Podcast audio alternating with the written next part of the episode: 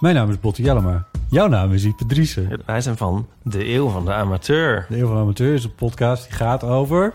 Alles. Het is een eh, podcast over levenskwesties die je niet kunt googlen. Een soort licht neurotische blik op het leven. Het is een podcast met humor. Jezus. Kijk, een grapje. Die, die vragen durft te stellen en die je ook onbeantwoord durft te laten. Mooi. met een regenboogvlagje. Dat, dat noem je queerbot. Dat uh, regenboogvlagje, dat klinkt echt als een soort...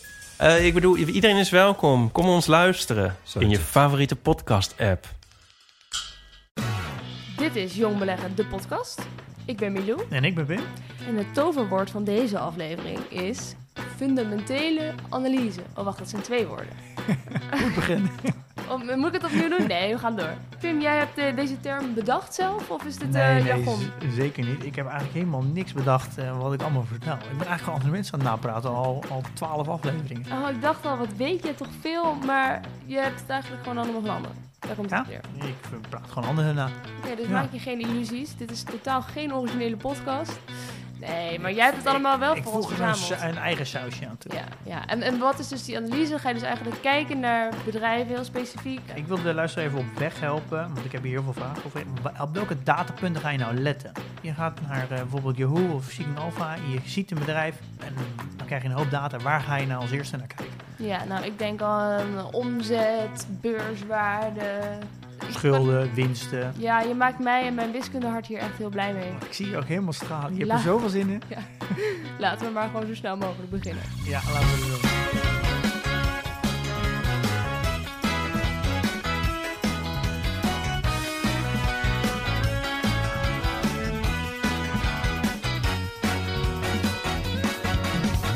Dit is eigenlijk een vervolg op eh, de vorige aflevering die we hebben opgenomen, Pim. Ja, je kan het bijna wel zien als deel 2. Deel 2 van eh, hoe eh, ja, kies je eigenlijk een bedrijf uit. Ja, eerst van waar haal je informatie vandaan? En dan de volgende stap, waar kijk je naar? Ja, dus En waar dan- ga je specifiek naar kijken? Welke Ja. informatie heb je nodig om echt een goede beoordeling te kunnen doen? We hebben het over een fundamentele analyse. Ja, en fundamentele, fundamentele analyse is heel groot. En dat is niet iets van, we bekijken een paar cijfertjes en dan zijn we klaar. Ja. Eh, uiteindelijk gaat het natuurlijk om dat je een inschatting maakt over de toekomst. Dus daar gaat het natuurlijk heel beleg over. Je koopt niet een bedrijf omdat het nu een x omzet heeft eh, behaald of in het verleden. Mhm. Maar je, je koopt een bedrijf omdat je verwacht dat het meer omzet gaat maken of gaat groeien in de toekomst. Dus je, je koopt een, een stukje toekomst. Een succes in de toekomst wil je Ja, kopen eigenlijk. Ja. Ehm, dus een fundamentele analyse gaat verder dan alleen maar cijfers beoordelen. En Mhm. we gaan het nu hebben over een aantal cijfers die we kunnen beoordelen. Maar het gaat ook alleen maar over het verleden. En dan kan je natuurlijk wel trends in herkennen. En je kan je natuurlijk vergelijken met peers. Maar om wel nog wel aan te geven, een fundamentele analyse gaat wel verder dan dat. Bijvoorbeeld, En dan kijk je ook naar de cultuur van het bedrijf. Wat Eh, bedoel je daarmee? Dus eh, hoe ze met elkaar omgaan? Ja, hoe zit de cultuur in elkaar? Ja. Eh, vinden ze makkelijk nieuwe mensen? Heeft het, waar zit het risico in het bedrijf? Dat het als bijvoorbeeld zit een bepaalde type mensen die heel moeilijk te hiren zijn. Vestigingsklimaat van waar zit het bedrijf? Heeft, zit het in een vestigingsklimaat Ja. waar ook makkelijk mensen te vinden zijn? Kijk je naar de, ook de macro-economie. Dus zit het überhaupt het product wat ze aanbieden in een trend? Zien we gedragsveranderingen in de mens? Ja. Wat invloed heeft op, het, eh, op het bedrijf? Hoe, wat voor management zit er? Gaan we dit allemaal stukje bij stukje aflopen? Of, eh, Nee, dit zijn allemaal dingen die, eh, wat eigenlijk een soort van complete fundamentele analyse is. En we hebben het natuurlijk over een fundamentele analyse, maar we gaan niet de hele fundamentele analyse bespreken, want dan kunnen we tien afleveringen vullen. mm, Dus ik denk dat we ook de komende, eh, ja, zeggen we de komende 10, 20 afleveringen steeds een stukje gaan pakken over, uit een fundamentele analyse. Wat mij uiteindelijk gaat helpen met een aandeel kopen, wat niet een ETF is, maar een echt. Ja, klopt. En we gaan het nu even hebben over een, een aantal soort van datapunten. Een aantal verhoudingen, ratio, waar je naar kan kijken om te starten met een beoordeling. Om te beginnen, waarom heet het eigenlijk een fundamentele analyse? Ehm, ja, nou, dat is omdat je namelijk naar de fundamenten gaan kijken. wel logisch, Ja, van het ja. bedrijf. Hm. Dus hoe, eh, hoe zit het bedrijf? Eigenlijk alle dingen die ik net wil. Hoe zit het bedrijf in elkaar? Wat is vestigingsklimaat? basisdingen. Echt de fundamentele dingen. Ja. Eh, en en dat het, het moet fundamenteel goed zijn. Het moet allemaal, alle puzzelstukjes moeten in elkaar, in elkaar passen. Want dan kan je in de toekomst beter performen. Dat is een beetje het idee. Mhm. En waarin kijk, is natuurlijk een een stukje verleden, dus trends herkennen uit data van het verleden. Ook een stukje van en, om een fundamentele analyse te doen. En de tegenhanger is de technische analyse. Oké. Eh, en daar, dat heeft daar eigenlijk weer niks mee te maken. En daar kijk je veel meer naar historische patronen in koersverloop. Aha, er zijn ook weer. Allemaal technische indicatoren voor. Dus heel vaak beweegt een koers binnen een bepaalde bandbreedte. Ja. En als hij dus aan de bovenkant door die bandbreedte gaat, dan, gaat, dan pa- pakt hij vaak de volgende piek. En als hij door een bandbreedte naar beneden gaat, dan pakt hij bijvoorbeeld de, de volgende laagste piek. Dus dan Ja. zou denken ze eigenlijk op een technische manier in te kunnen schatten hoe het koersverloop gaat. Oké. Ja, ik ben daar niet zo'n fan van. Ik geloof daar helemaal niet in. Jij doet niet aan technische analyse. Nee, gewoon niet. Ik geloof Wa- daar niet waarom in. niet? En ten eerste omdat het computers kunnen dit veel beter. Nou, dus dan heb ik, maak ik al geen schijn van kans. Eh. Dus ik denk dat er heel veel wat gehandeld wordt, dat wordt gedaan door computers. Nou ja, daar kan ik gewoon niet tegenop. Dus ik geloof daar gewoon niet in. En alles wat te maken heeft, ik beleg op lange termijn. Dus echt gewoon echt een lange termijn. Waardoor het ook gaat dat het een fundamentele analyse doe. Dat het bedrijf fundamenteel goed in elkaar zit. Zodat het in de toekomst, jaren in de toekomst, ehm, daarvan kan profiteren. Mhm.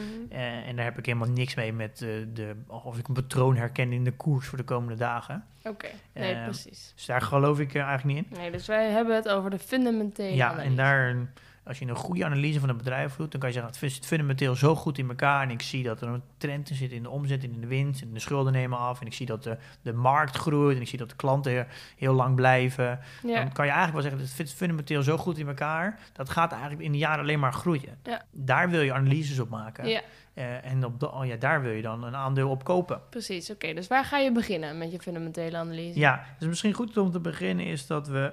ehm, ze hebben het makkelijk gemaakt. In de vorige aflevering hebben we verteld over de, de website die de data een soort van samenvatten en bij elkaar plakken. Eh, en daar hebben ze, een, ja, hebben ze heel veel in, communiceren ze heel veel in ratio. En dat is eigenlijk het, eh, ook weer in Nederlands verhoudingen.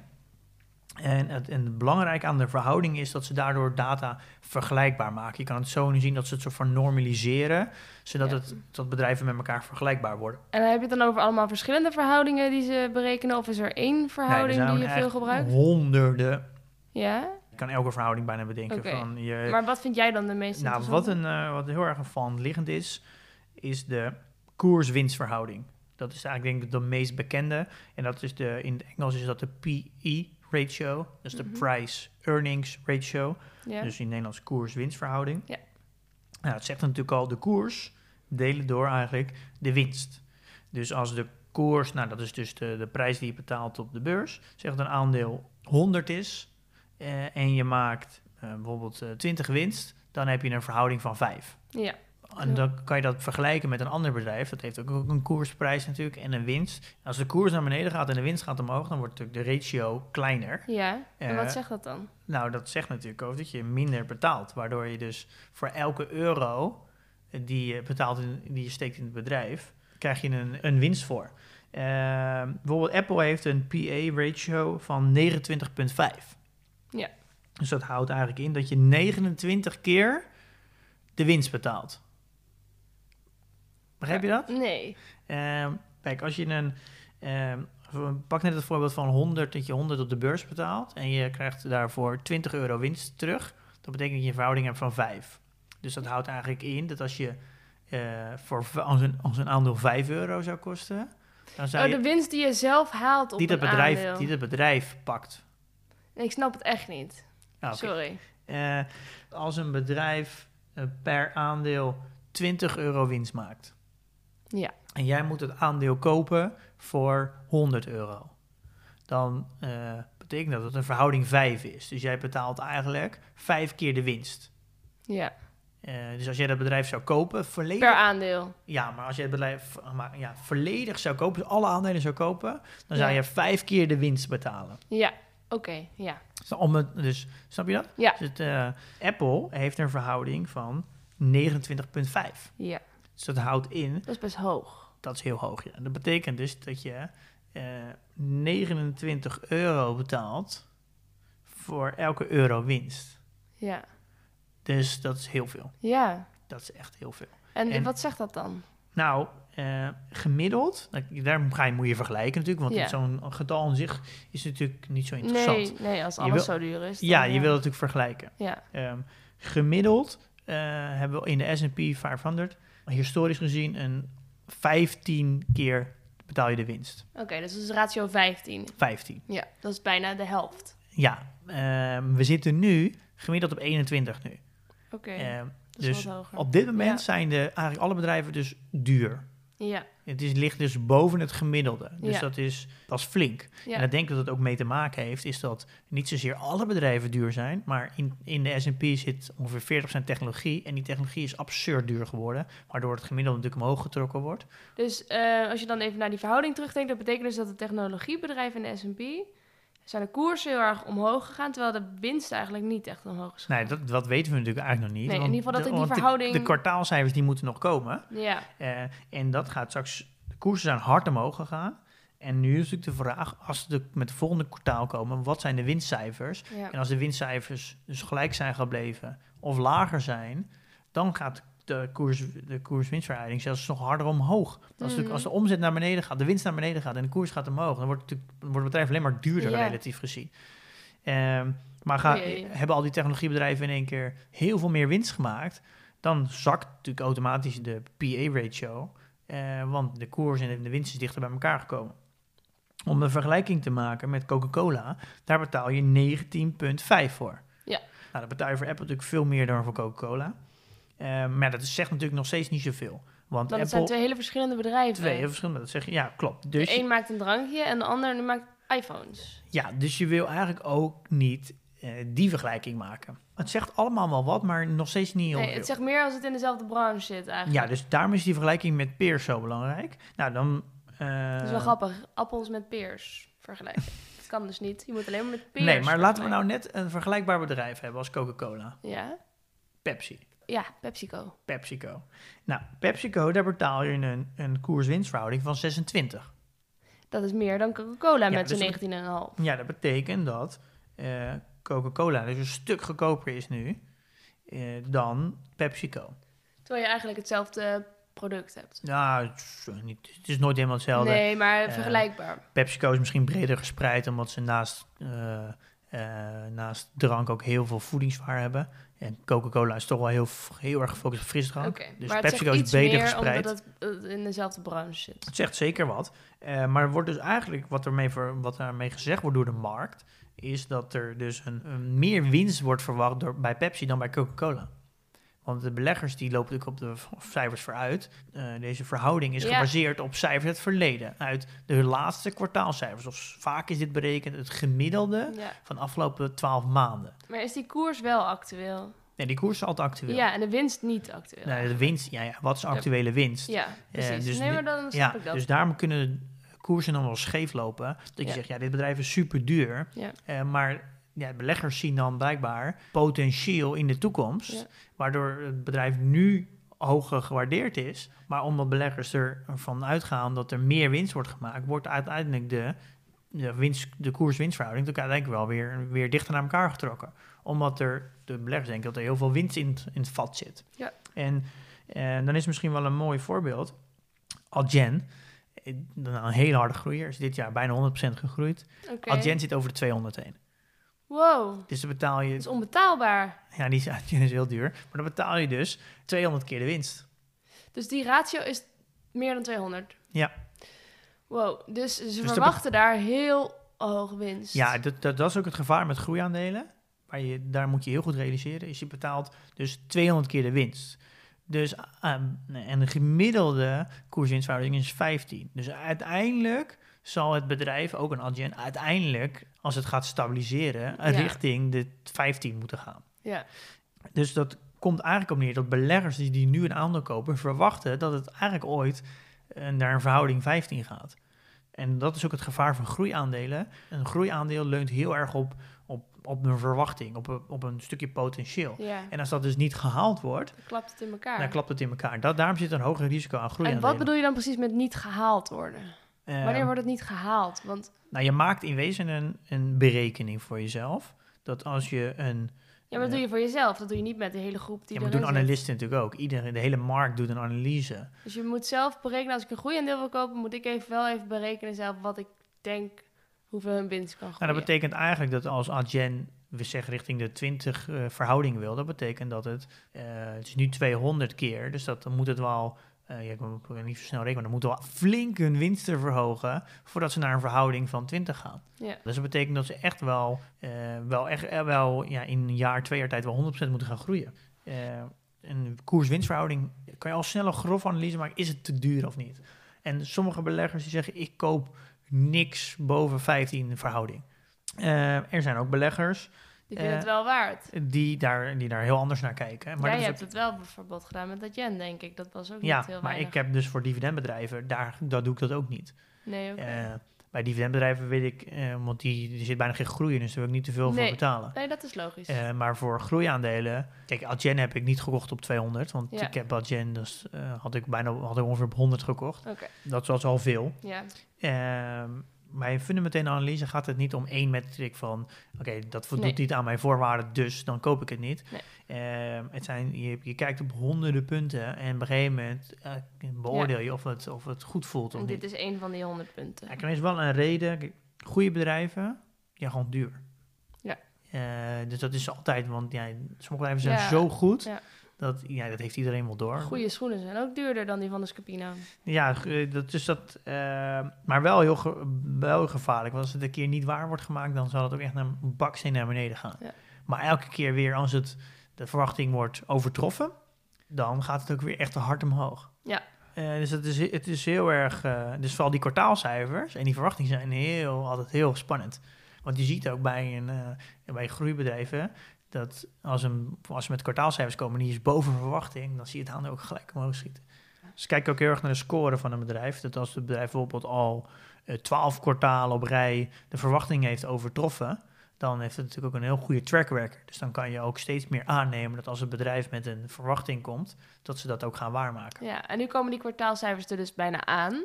Ja, Misschien zijn ze er al op het moment dat we dit ja dit, de komen, het gaan de komende ehm, ja, vier weken komen ze binnen.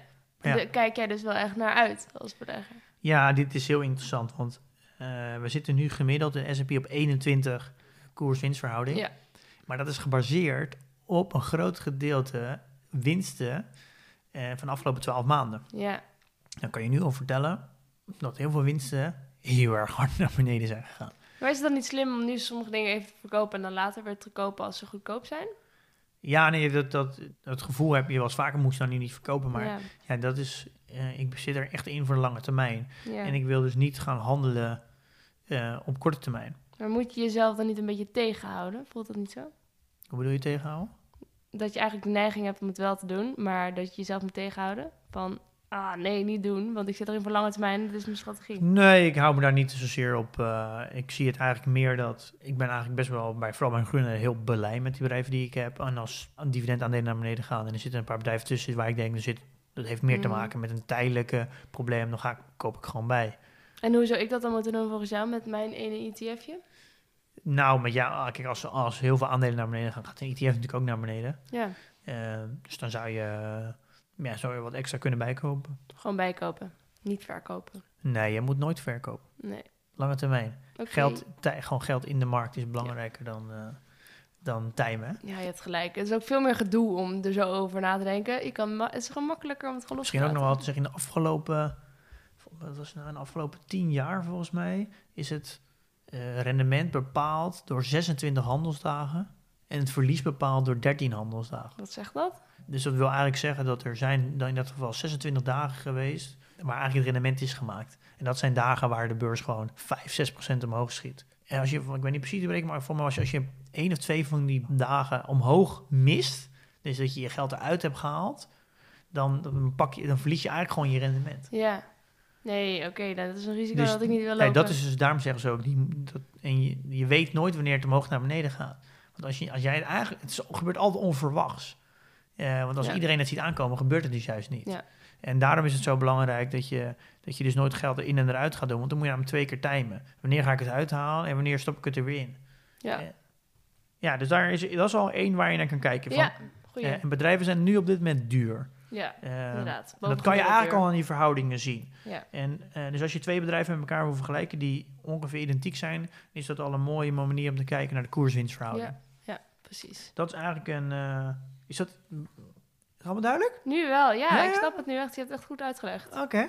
Oké. Dan is een, een ander waar ik ook naar kijk, is de, de koersontwikkeling. Hoe, hoe is de verloop van de koers? Ja. Zitten we nu op een piek? Zitten we in een dal? ja, precies. Dat kon je zo makkelijk googlen, toch? Ja, Gewoon het bedrijf daar, en eh, de ja. stalk. Een goede metric om naar te kijken. Ja. Beurswaarde, hele belangrijke. Waar zie je dat?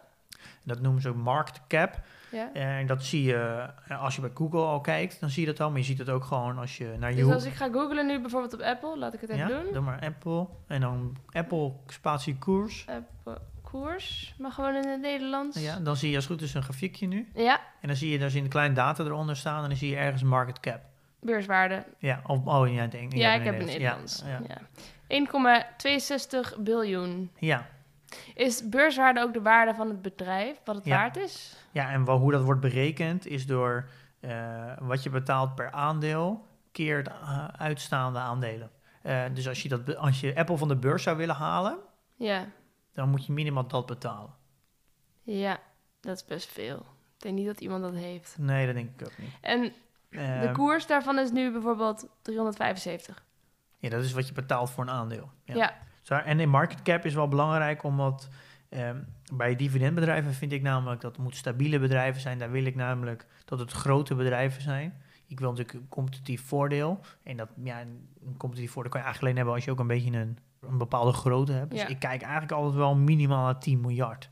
Kijk, en je, want je wil ook een schaalgrootte hebben en je wil stabiliteit. Dus dat vind ik heel belangrijk. ja. En bij groeibedrijven, ja, daar kan je natuurlijk ook voor de kleine spelers gaan. De Mhm. small caps, waar we het al Ja. keer over gehad. Maar het nadeel vind ik heel erg van echte kleine bedrijven die bijvoorbeeld maar 300 miljoen waard zijn. Ja, ten eerste heel weinig analisten die het volgen. Er zijn, dus daar wordt er weinig over geschreven. Er is weinig eh, data beschikbaar. Dus ik Helder. wil eigenlijk best wel, ik, wil- daar kijk ik al toch wel richting de miljard qua grootte. Minimaal. Oké, dus dat moet, ja, ik wou net zeggen. Dus voor een, eh, een groeiaandeel kijk je dat het minimaal een beurswaarde heeft van een miljard. En voor een dividendaandeel moet het wel minimaal 10 miljard zijn. Ja, het is allemaal niet zo letterlijk, maar dat is wel een beetje grof eh, waar ik naar kijk. Eh, Oké. En bij, bij dividendbedrijven zit ik eigenlijk wel echt wel vaak wel richting de 50 hoor, miljard hoor, meestal wel. Eh, maar dat is al een mooie indicatie om naar te kijken. Ja, Ehm, dan kijken we ook nog naar eh, winst per aandeel.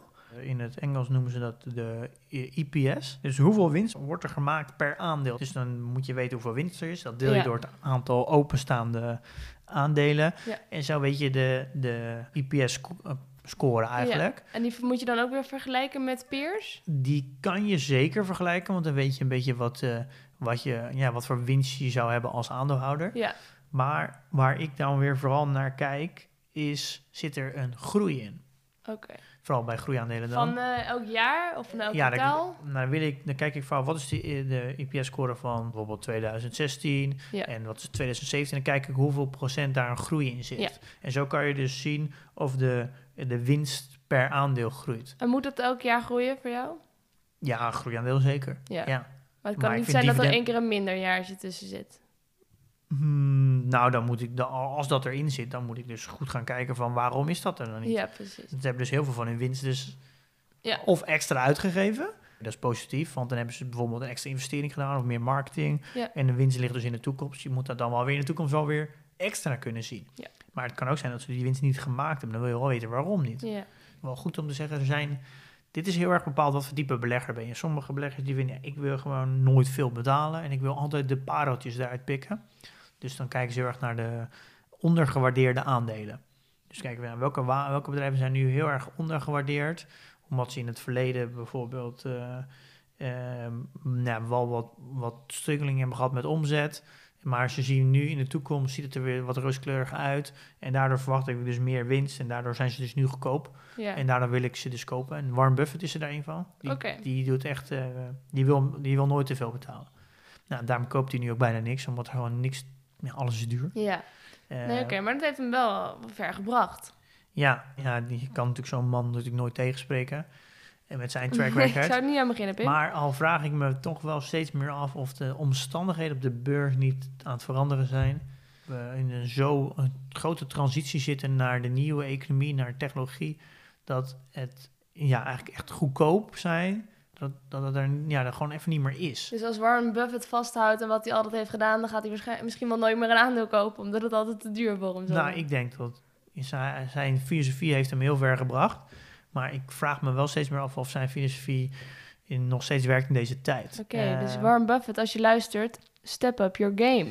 Nou, ik denk dat dit wel een soort van een meest gehoorde tegenargument is tegen zijn, eh, Ja. eh, zijn, eh, zijn performance van zijn bedrijf. Blijft echt al de afgelopen drie jaar al flink achter met Ja. de markt. Eh, omdat hij niet in technologie belegt. Ik vraag me wel af, we hebben een gemiddelde van 15 koers-winstverhouding. In de afgelopen, eh, nou, weet ik veel hoeveel jaar in S&P. Ik denk wel dat dat de komende jaren flink omhoog gaat komen. En dat dat ook een nieuwe standaard geworden. Dus 21 is nu de verhouding, nu. En zeg, ja, dat, dat is vergeleken met het verleden heel duur. Dan kan je natuurlijk wel afvragen, ja, is, wordt dit ook niet de nieuwe standaard?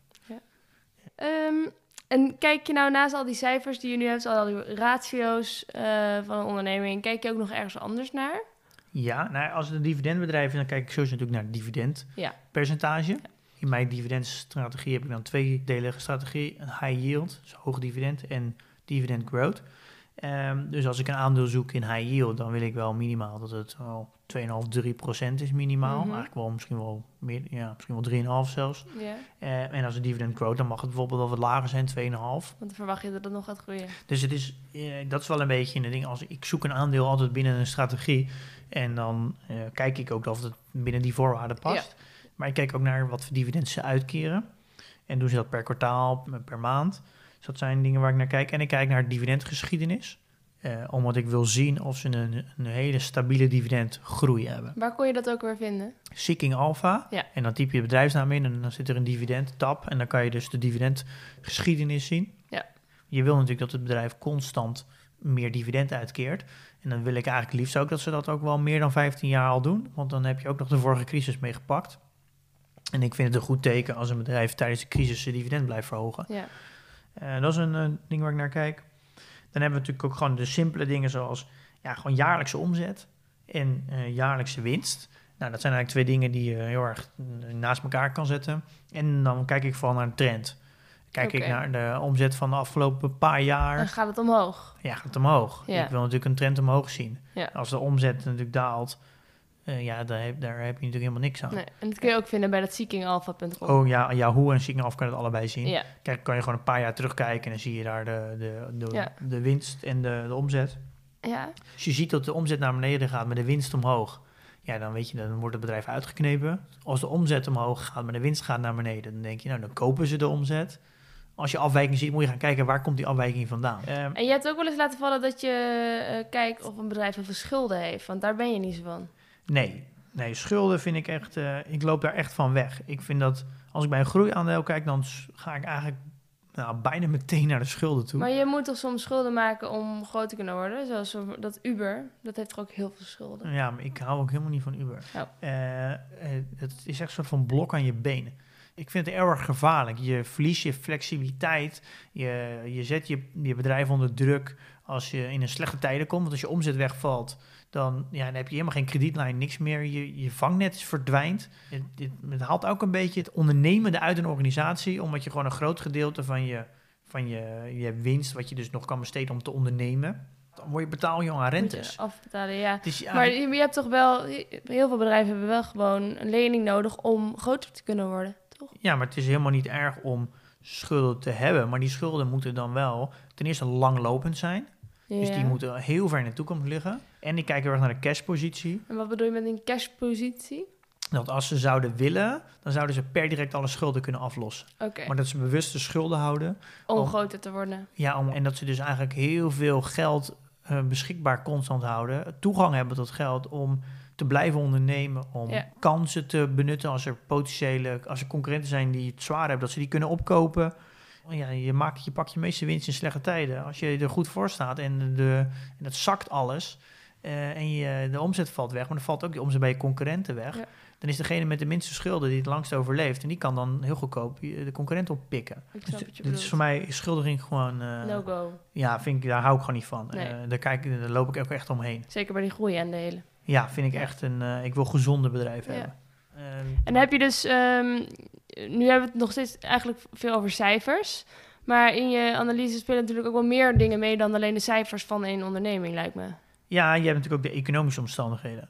En vooral bij, nou, eigenlijk bij alle aandelen, maar groeiaandelen denk ik iets meer, heb je de micro, meso en macro-economie. Ja. Nou, dat is misschien wel bekend van de, Economie? van de economie. Maar daar gaan we het in, in, in de toekomst nog eens een keer over hebben. Over hoe kan je nou economie gebruiken om een aandeel te beoordelen in een fundamentele analyse. Ja, want je zou zeggen, een fundamentele analyse gaat over één bedrijf. De economie is dan weer een hele andere analyse. Ja, maar je kan bijvoorbeeld zeggen bij de MESO, dat is ongeveer 5 tot 10 jaar, kan je bijvoorbeeld zeggen dat het gedrag van mensen aan het veranderen is door bijvoorbeeld de gig-economie. Dat is de meer de klusjes-economie. De kikker-economie? Kick, gig. Oké, gig-economie, Gig-economie. ja. Dus dat is bijvoorbeeld dat de Temper, de Uber, bedrijven die allemaal ehm, meer op klusbasis werken. Waar je mensen op, op klusbasis kan inhuren. Ja, Gaat heel groot worden. Dat, dat gaat echt een gedrag van mensen veranderen. Locatie onafhankelijkheid is heel groot aan het worden. Nou, we hebben een poll op Instagram gedaan, laatst. ja, Eh, bijna drie vierde van de mensen wil thuiswerken, van de luisteraars. ja, Locatie onafhankelijkheid gaat heel groot, gaat een heel impact hebben op het gedrag van mensen. ja, dat gaat over die meso-economie. En dus dat gaat allemaal, ja, en, en dat gaat invloed hebben op, op het uitgavenpatroon van mensen. Ja, En uitgaven gaan hebben te maken met bedrijven. Ja. Dus dan moet je niet in de gaten gaan houden wat voor ja, bedrijven er zijn in de, in de gig-economy. ja, Eh, precies. Ja, dus het, natuurlijk, het is ook logisch. Het, het gaat niet alleen over één bedrijf, maar natuurlijk ook in de wereld waarin dat bedrijf bestaat. Ja, dat kun je niet wegzien in die analyse. En de omstandigheden van de wereld, van, daar moeten bedrijven in, in opereren. Ja. En als wij allemaal eh, geen fysieke fotootjes meer maken, met, dan heeft Kodak geen wereld om in te leven. En als wij allemaal thuis gaan werken, ja, dan kan je vastgoed op, op panden, op kantoorpanden wel gaan afschrijven. Ja, dingen om over na te denken, Ja. lijkt me. En daar, ben- denk, daar, daar kan je ook naar kijken om, Ja. als je een bedrijf wil beoordelen. Pim, jij gaat ehm, het nieuws en het portfolio zelf even opnemen, geloof ik, hè? Ja, dat gaan we op een ander moment ga ik dat zelf opnemen, want we, eh, we kunnen dan even niet bij elkaar zijn. Nee, ja, allemaal dingen te doen. Druk, druk, druk. Ja, maar eh, ik, ik, het gaat me wel lukken, denk ik hoor. Ja, dat denk ik ook wel. Ik, je bent eh, inmiddels zo geoefend. Ik denk eh, dat ik gewoon... Ik heb alleen niemand meer die me dan eh, stopt als ik te veel praat. Nee, je kan je niet meer kritisch Nee, dat zonder wordt wel vragen, inderdaad. Ja. Dus misschien kun je jezelf een beetje binnen de perken houden. Ja, hier ben ik dan. Alleen, eh, zonder Milou. Eh, maar daardoor hebben we wel het, eh, het nieuwste nieuws. Ehm, traditioneel getrouwd trappen eigenlijk de drie grote Amerikaanse banken af. Het cijferseizoen dan. Ehm, en die zijn, ja, die zijn ook geweest. Praten we over Citigroup, JP Morgan Chase en Wells Fargo. Ehm, die hebben toch wel, wel aardig wat geld in, in het stoppenpot moeten stoppen. Of in dat is hun verwachting. En dan gaat het toch wel over ongeveer 15 tot 20 miljard wat ze extra gaan reserveren. Omdat ze verwachten dat in de, in de toekomst er veel wanbetalingen zijn op kredieten. Dus, eh, ze hebben vooral aangegeven dat ze nog wel echt flinke slechte tijden verwachten. En dat het nu nog niet heel goed zichtbaar is omdat er heel veel overheidssteun is. Dus ze hebben flinke reserves ingebouwd voor de komende periodes. Eh Wells Fargo heeft zelfs het dividend al verlaagd van eh 50 cent naar 10 cent. Dat is een verlaging van 80% Al was dat eigenlijk al in de verwachting. Deze bank staat er eigenlijk het slechtste voor. Heeft de kleinste zakelijke tak. Eh, maar dat geeft wel aan dat deze grote banken wel echt slechte tijden verwachten. Ehm, ASM ASML is ook met cijfers gekomen. Dat is een beetje Nederlandse trots natuurlijk. Die cijfers waren echt fantastisch. 29% meer omzetgroei naar 3,3 miljard. Daarvan is 750 miljard winst. Dat is een stijging van 92% Dus ja, dat zijn echt flinke cijfers. Die hebben eigenlijk totaal geen last van, eh, van corona. Eh, ze willen nog geen verwachting afgeven van de rest van het jaar. Maar nou, als ik er een beetje uithaal, vermoed ik dat in ieder geval dit technologiebedrijf gaat er geen last van krijgen. Ik ben benieuwd hoe de komende weken de rest van de cijfers zijn. En het is misschien wel aardig om te zeggen dat we praten nu natuurlijk over winstbijstellingen voor 2020, want die worden afgegeven aan het begin van het jaar. En dat er dit jaar in de AEX 35% winstbijstelling is, naar beneden. Eh, en in de S&P 28%, dus iets lager, omdat daar iets meer technologie in zit. Maar dat- betekent eigenlijk dat analisten dus al rekening houden dat op de AEX een 35% winstbijstelling is naar beneden. En FD heeft daar een mooi artikel over geschreven hoe de winstbijstelling is in sectoren. Nou, dat is bij olie is dat zelfs eh, 80%. Ehm, nu is natuurlijk de vraag de komende weken of, eh, of dat daadwerkelijk zo is. Eh, en of bedrijven een prognose durven af te geven voor de komende twee kwartalen. Eh, al vermoed ik dat ze dat niet gaan doen. Eh, kunnen we trouwens wel in de kwartaalcijfers zien of die, eh, of die winstbijstelling een beetje terecht is. Dus het worden interessante weken. Eh, het voelt nu al een beetje alsof je een beetje aan het blind aan het varen bent. Eh, omdat we geen idee hebben wat, eh, wat de winsten zullen zijn. Dan hebben we ook nog een ander artikel, die heb ik ook nog gedeeld op, op Instagram met een klein polltje gehouden. Eh, is dat de, er is een gigantische toestroom van nieuwe beleggers. En die nieuwe beleggers die zijn vooral jonger dan de bestaande beleggers. Nou, dat wordt een beetje gezien als tien jaar jonger. Nou, dat is misschien ook wel een beetje de doelgroep van, van jong beleggen. Maar die worden vooral aangegeven als, als jong en als waaghalzen. En dat er ja, best wel eh, roekeloos belegd wordt. Al kan ik me daar wel iets bij inbeelden. Al hoop ik natuurlijk dat iedereen die naar deze podcast luistert... en niet onder de categorie waaghals valt, maar heel eh, goed aan het beleggen is... verstandig aan het beleggen is, verantwoordelijk eh, omgaat met zijn eigen geld... en vooral inzit voor de lange termijn. En niet eh heel veel korte sprongen neemt op korte termijn. Ja, dit kan op lange termijn best wel een negatieve gevolg hebben voor deze, voor deze doelgroep. En die ook al niet een huis kan krijgen op dit moment. En als dan al het spaargeld wat ze hebben eh, roekeloos gaan beleggen, dat zou helemaal niet goed zijn. Dus daar moeten wij eh, als luisteraars zijn allemaal op letten. Lange horizon in de gaten houden. Ehm, nou, over naar mijn portfolio. Ik heb geen transacties gedaan. Ik heb wel, eh, wel dividend ontvangen. ehm, van drie verschillende bedrijven, bij elkaar 72 euro. En mijn portfoliowaarde is dit keer een heel rond getal, 150.000. Nou, volgende week eh, zijn wij weer gewoon met z'n tweeën. En dan eh, is het ook veel leuker om het nieuws eh, samen te bespreken. Misschien wel, we kunnen wel nog wat reviews. Ja, reviews zijn er altijd. Ja, ja, de reviews doen we wel. Want jullie zijn zo goed voor ons door echt die reviews achter te laten. Daar hebben we heel veel aan. Ehm, en we kunnen er nog steeds heel veel meer gebruiken. Dus mocht je nog twijfelen om een review te schrijven, schrijf er vooral één. Daar zijn wij heel blij mee. Ja, hartstikke leuk. Het kan bij, eh, helaas alleen bij de Apple eh, Ja. podcast app. Dus ben je, Dus koop een iPhone. ben je een Eh, Android gebruiker of luister je Spotify, dan kan het helaas niet. Nee. Eh, maar eh, wel f- sowieso fijn dat je luistert natuurlijk. Ja. Pim, ik ben zeer geboeid aan het luisteren naar je podcast. Ik had twee korte vragen. Je geeft aan dat je voornamelijk over de lange termijn nadenkt. 30 jaar. Is er ook een mogelijkheid dat je bijvoorbeeld bij 250.000 euro de helft eraf haalt en dan weer verder gaat, zodat je het geld zeker hebt? Dat is vraag 1.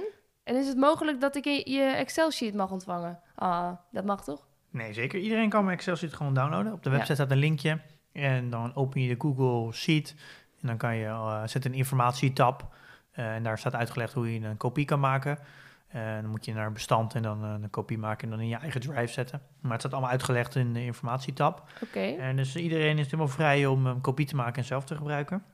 Ja, en dan dus de vraag over dat je de, bij 250.000 euro de helft eraf haalt? Ja, nee, dat ga ik niet doen. Nee. want dit is, ik wil eh compounden, dus ik wil eh, rendement op rendement hebben. Ja. En als ik het eraf ga halen, dan eh, levert het me niks meer op. ja. Eh, dus dat ga ik zeker nooit doen. Nee, maar dat, eh, de keerzijde van dat verhaal is wel dat je dat geld wat je er allemaal in hebt echt pas kan besteden als je 60 bent. Nee, maar ik, ik heb toch dividendinkomsten elke kwartaal of Ja, elke maand. En daar ga ik van leven. Jij wel, Dat is uiteindelijk de bedoeling. maar ik met mijn ETF ook niet. Dus ik zit ook te denken, ja, ik heb er pas iets aan over 60 jaar. Nou ja, hoor, het ligt eraan. Eh, het ligt aan wat je doel is van het geld. Als je, als je het eerder nodig hebt, dan haal je het er eerder af. Ja. Eh, maar dat hoeft niet. Nee. Ja, maar ja, het idee is dat je belegt met geld dat je niet nodig hebt. Nee, dat klopt. Maar op een gegeven moment, je, je belegt het wel omdat je het op een gegeven moment wil gaan gebruiken. Ja, maar de vraag is, waar, dat moet je voor jezelf bepalen. Waarvoor je, wil je het gebruiken? Ja, oké. Nou, volgende vraag dan. Ik zag dat de Deutsche Bank eventueel interesse had in het overnemen van Wirecard. Hey, Wirecard. Eh, stel dat ik nu 100 aandelen van Wirecard koop. Wat gebeurt er dan met die aandelen als Wirecard wordt overgenomen? Vriendelijk groet, Dennis. Ja, dat is een hele goede vraag. Eh, er zijn op dit moment volgens mij iets van 7, 8 gegaarden die eh, het failliete Wirecard willen kopen. Er zijn wat scenario's die je kan schetsen. Als een bedrijf failliet gaat, dan wordt het meestal overgenomen door schuldeisers. ABN AMRO en ING zijn toevallig twee hele grote schuldeisers in Wirecard. Die hebben allebei voor mij 200 miljoen erin zitten. Dus dat kan zijn dat die het eigenlijk via een curator gelijk verkopen, zodat ze wel een gedeelte van die schuld die ze hebben, eh. Dat ze die terugkrijgen. Ja, Volgens mij, op dat moment, als de schuldeisers het overnemen, dan ben je eigenlijk als, als zittende aandeelhouder alles kwijt. En dat is een mogelijkheid. Eh, dus dat, daarom is het een hele risicovolle belegging. Het kan zomaar zijn dat je je aandelen kwijt bent. ja. Een andere optie is, is dat het bedrijf niet wordt overgenomen door schuldeisers, maar dat een ander bedrijf, bijvoorbeeld het koopt. Hmm, Ja, dat ligt misschien deze situatie anders, maar dan bieden ze gewoon een prijs aan. Van nou, het aandeel is nu bijvoorbeeld, eh, staat op 1,30 euro. En dan zeggen ze, nou, wij kopen het voor 1 euro per aandeel. En dan wordt er een aandeelhoudersvergadering georganiseerd. En dan moeten mensen stemmen. En Ja. als dan meer dan 50% ja stemt, dan wordt het bedrijf, dan moet iedereen zijn aandelen verkopen voor, voor die prijs waarvoor is afgesproken. Ja. Ehm, eh, als er vaak een positieve overname is, dan wordt er vaak flink boven de aandeelprijs eh, geboden. Maar de grootste kans is dat, dat je gewoon je aandelen kwijt bent. ja. En daar moet je er ook niet in gaan zitten. Nee, niet doen. Kan- Blijf weg. Kan ook naar het casino gaan, gewoon al je geld op rood of Ja. zwart zetten. Ja, precies. Oké. Dat is ook leuk. Ik ben nog nooit in een casino geweest. Dat wil ik wel gewoon een keer doen. Ehm, nou, nou ja, laten we dan ook nog één eh, echte recensie doen. Eh, vijf sterren van Bas. Top podcast. Mooie balans tussen Milou en Pim. Waardoor je als beginnende belegger alles goed kan volgen. Ga zo door. Nou, wij gaan zo door. Wij Ja. zullen doorgaan. Een goede jongen die Bas. Goeie jongen, zeker. Dankjewel, Bas. En volgende week gaan we het hebben over... Ja, heel interessant. Ik hou er echt van. Mijn lievelingsonderwerp. Ja, waar gaan we het over hebben? Onszelf. Oh, we gaan het over onszelf hebben. Ja, nee, eh, voor de liefhebber hoor. Je hoeft absoluut niet te luisteren, maar eh, ja... volgens Nou, daar, gaan, daar verliezen we nu alle luisteraars mee, denk ik. Eh, ja, maar ik wil ook niemand... Kijk, ja, het voelt zo, we gaan het over onszelf hebben. Maar Pim en ik gaan elkaar een beetje beter leren kennen. Ja, Ja. wij gaan er even op uit. En ik heb al gehoord dat Pim een wijnexpert is, dus ik ben heel benieuwd... eh, ja, wat hij gaat inschenken om 8 uur 's ochtends. Nee. nee, wij gaan er even op uit. Ja, Eh, we gaan misschien wel leuk om, om een kleine intro te geven. ja, Wij hebben elkaar zomaar ontmoet. Dat hebben we in de eerste aflevering verteld. En we, m- we zien elkaar eh, elke week en dan praten we over beleggen. ja, en eigenlijk over we- weinig anders. Ja, we weten eigenlijk niet hoe snel we weer weg moeten gaan. Nee, Ja, we moeten eigenlijk gewoon eens een keer een, een, een drankje gaan doen. Maar Ja. door corona is dat eigenlijk een beetje uitgesteld. En dus we hebben eigenlijk besloten om een aflevering te gaan maken om elkaar te leren kennen. En dan Ja. mag de luisteraar meeluisteren. ja, Eh, we gaan niet in 40 minuten eh, over onszelf lullen. nee. Eh, maar misschien vinden jullie het leuk om, eh, om iets te weten over ons. Laat het ook weten als je dingen wil weten. Ja, dus stuur ze in via Instagram. Jong beleggen. Of via de mail mag ook. Via de mail mag ook. Ja, tuurlijk. Hoe jij wil. Spreek hem in, dan kunnen we het laten horen. Ja, tot, tot volgende week denk ik. Ja, tot volgende week. Doei!